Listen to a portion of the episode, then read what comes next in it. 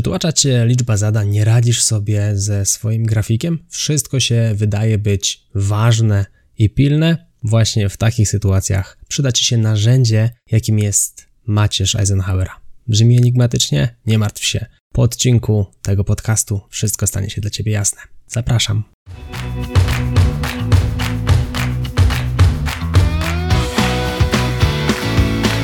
Chcesz przenieść swoją karierę na wyższy poziom? Nieważne, czy pracujesz na etacie, czy jesteś przedsiębiorcą. Świetnie trafiłeś.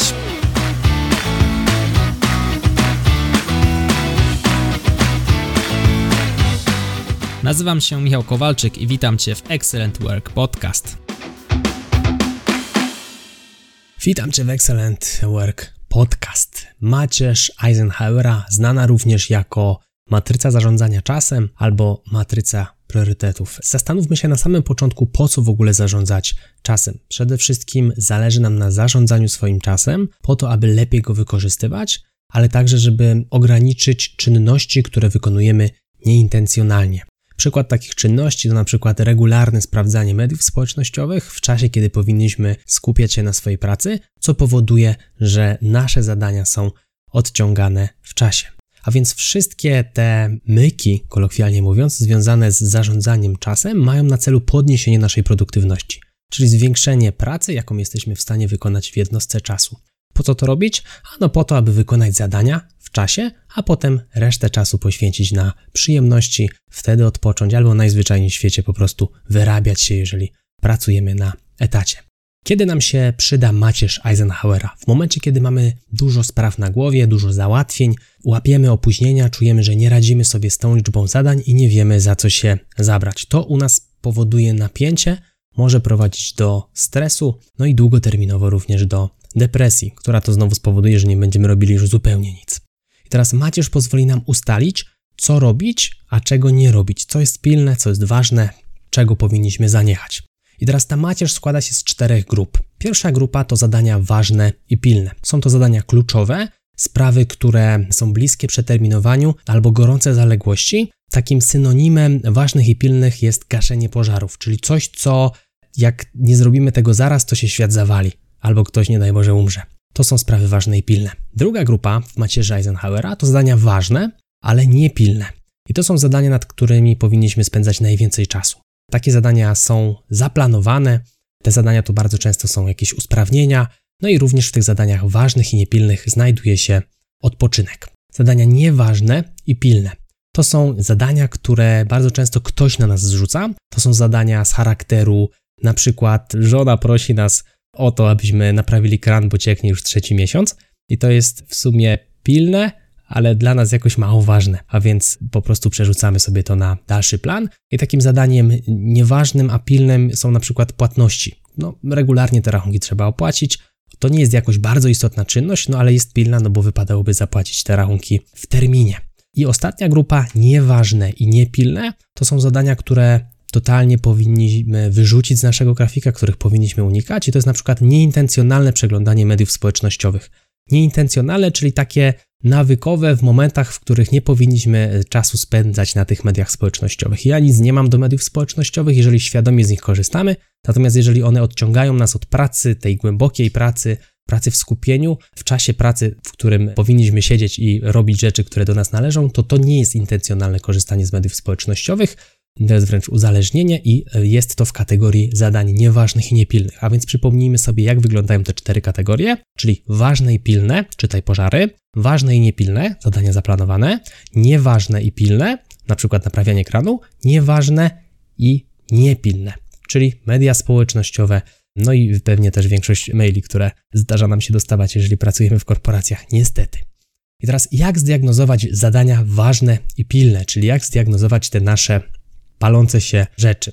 Warto zadać sobie pytania do grupy ważnych, które moglibyśmy sobie zadać, aby zadania zdiagnozować i wrzucić je do tych ważnych, to co się stanie, jak tego nie zrobię? Co nastąpi, jeżeli nie zrobię tego zadania? Jakie będą pozytywne efekty, jeżeli to zadanie wykonam? Czy to, co planuję zrobić, to jedyna i najlepsza droga? I czy to na pewno ważne z punktu widzenia celów i wartości? Czyli na tej podstawie decydujemy, czy zadanie jest ważne, czy zadanie jest nieważne. Jeżeli nie zrobimy czegoś i to wpłynie negatywnie na nas, niezgodne jest to z naszymi celami, jeżeli to, co mamy za chwilę zrobić, to jest jedyna i słuszna droga i czujemy, że nie ma wyjścia, to to będzie zadanie ważne. Dla mnie obecnie zadaniem ważnym jest stworzenie kursu arkusza Google i to jest dla mnie bardzo ważne zadanie. I to jest zadanie ważne z punktu widzenia praktycznie każdego z tych punktów. To jest istotne, abym to zrobił. Teraz jak sklasyfikować zadania na pilne i niepilne? Zadajmy kolejne pytania. Na kiedy to ma być gotowe? Czy to rzeczywiście jest aż tak pilne? Czy to rzeczywiście musi być zrobione już teraz? Ile mi to zajmie czasu? Ile mi zrobienie tego zajmie czasu? Co się stanie, gdy odłożę albo gdy nie zrobię tego zadania? Co się stanie dobrego, gdy zrobię zamiast tego zadania jakieś inne? I znowu moje zadanie w tym przypadku, chwyćmy się tego nagrania kolejnego kursu, to nie jest zadanie pilne, ponieważ świat się nie zawali, jeżeli ja wypuszczę ten kurs miesiąc później czy dwa miesiące później. Dlatego moje zadanie jest w drugiej kategorii, czyli jest to zadanie ważne, ale nie jest ono pilne, a więc mogę je rozplanować. I teraz kategoria druga to ta, w której chcemy mieć najwięcej zadań. Zależy nam na tym, aby mieć dużo ważnych zadań, ale żeby te zadania nie były pilne, abyśmy mogli zarządzać czasem, w którym te zadania wykonamy. Dzięki temu mamy przestrzeń na zadania ważne i pilne, czyli na pożary, które gdzieś po drodze nam wybuchają. Jeżeli mamy za dużo zadań w grupie ważne i pilne, czyli w grupie pożarów, to mamy problem, bo zaczynają nam się piętrzyć zaległości z grupy drugiej, czyli zadań ważnych i niepilnych. Te zadania niepilne w końcu kiedyś stają się pilne. I teraz wejdźmy sobie nieco głębiej właśnie w te kolejne grupy, o których już sobie wspomnieliśmy. A więc zadania ważne i pilne to jest grupa, w której najlepiej, gdyby nie było żadnych zadań. Róbmy to jako pierwsze. To jest bardzo ważne, aby zrobić to jako pierwsze.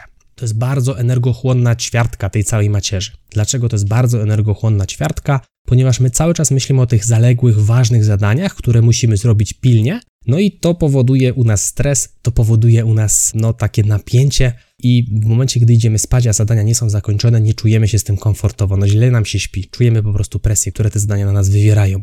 Przez to uciekamy czasami do ćwiartki czwartej, czyli tej ćwiartki poświęconej grupie nieważne i niepilne. Na przykład robimy nieistotne rozrywki typu media społecznościowe, czy skrolujemy naszego Walla na różnych mediach społecznościowych, czy przeglądamy sobie klienta poczty, czy tam nie ma jakiegoś maila, to są rzeczy, które powodują, że jesteśmy zajęci, ten czas pracy nam mija, natomiast nie wykonujemy zadań, które do nas należą. I w tych naszych ważnych i pilnych zawsze powinny znajdować się takie bardzo, bardzo kryzysowe zadania.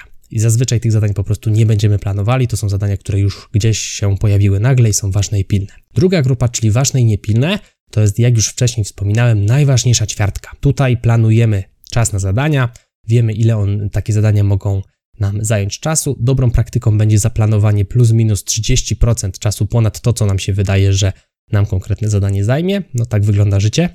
Ciężko jest idealnie estymować czas, który będziemy musieli poświęcić na zadanie. Życie pokazuje, że bardzo często nawet i 30% dodatkowego czasu to za mało. Czyli, żeby złapać skalę, jak coś wydaje ci się, że zajmie godzinę, to załóż, że zajmie półtorej, tak bezpiecznie.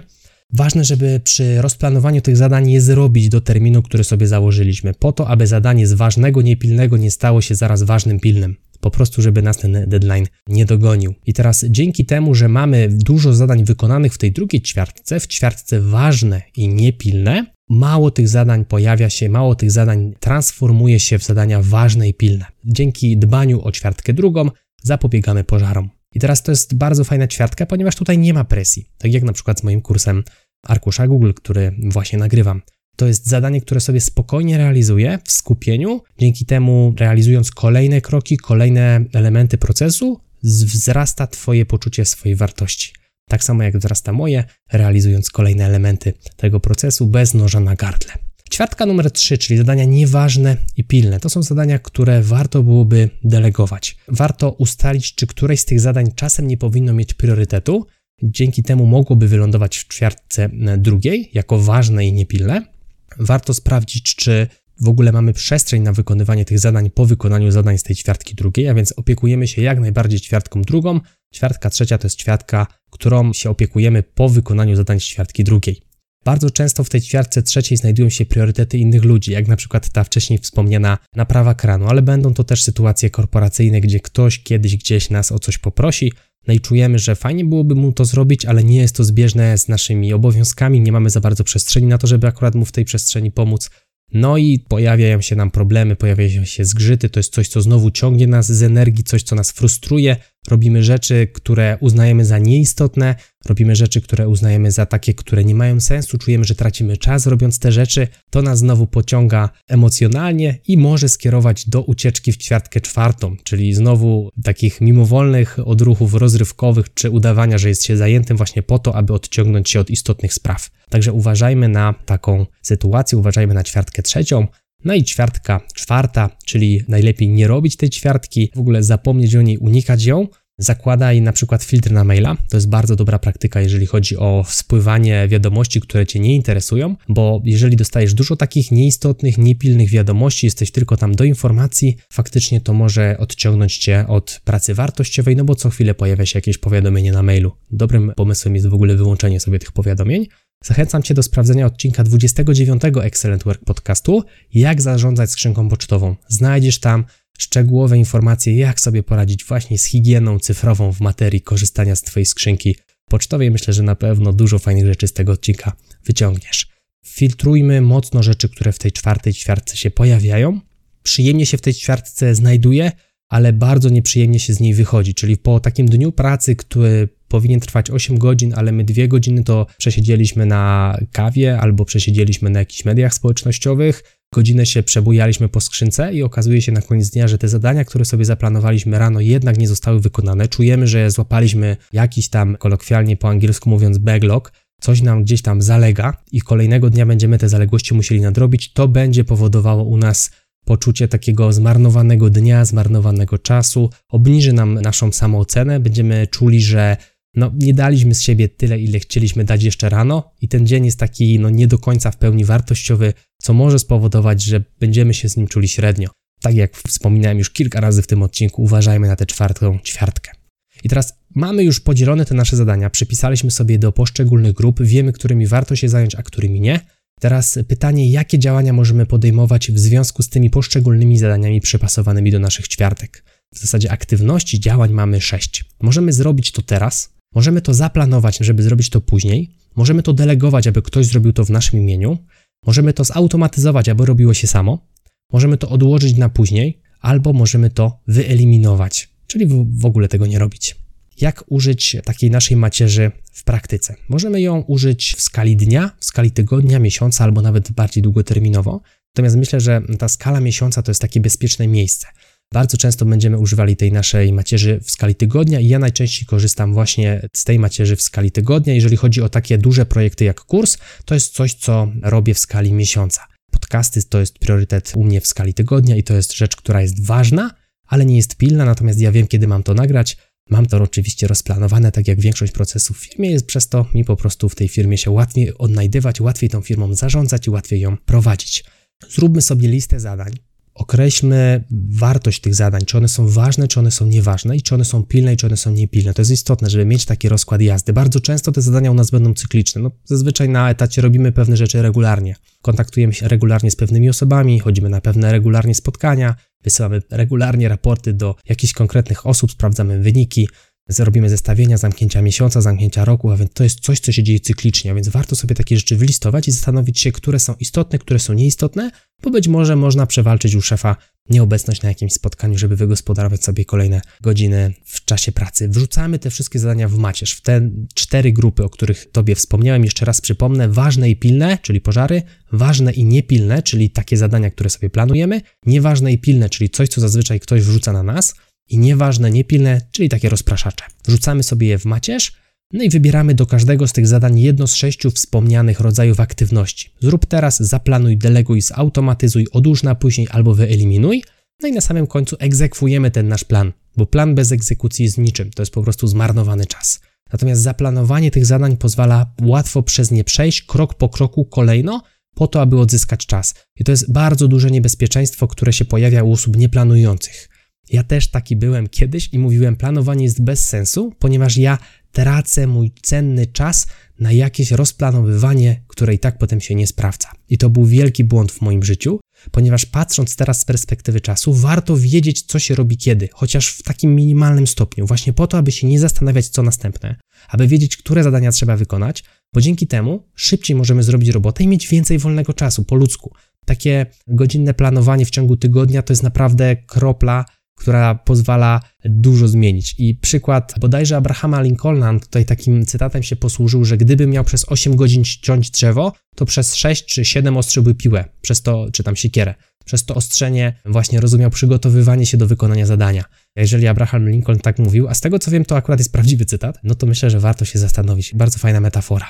Na co uważać przy korzystaniu z macierzy Eisenhowera? Na to, żeby uwzględnić wszystkie zadania, żeby nic przez palce się nie wyślizgnęło, bo jeżeli się wyślizgnie, to się okaże, że ta macierz się nam posypie. No bo dojdą zadania, na które nie przewidzieliśmy czasu, no i wszystko się nam rozjedzie.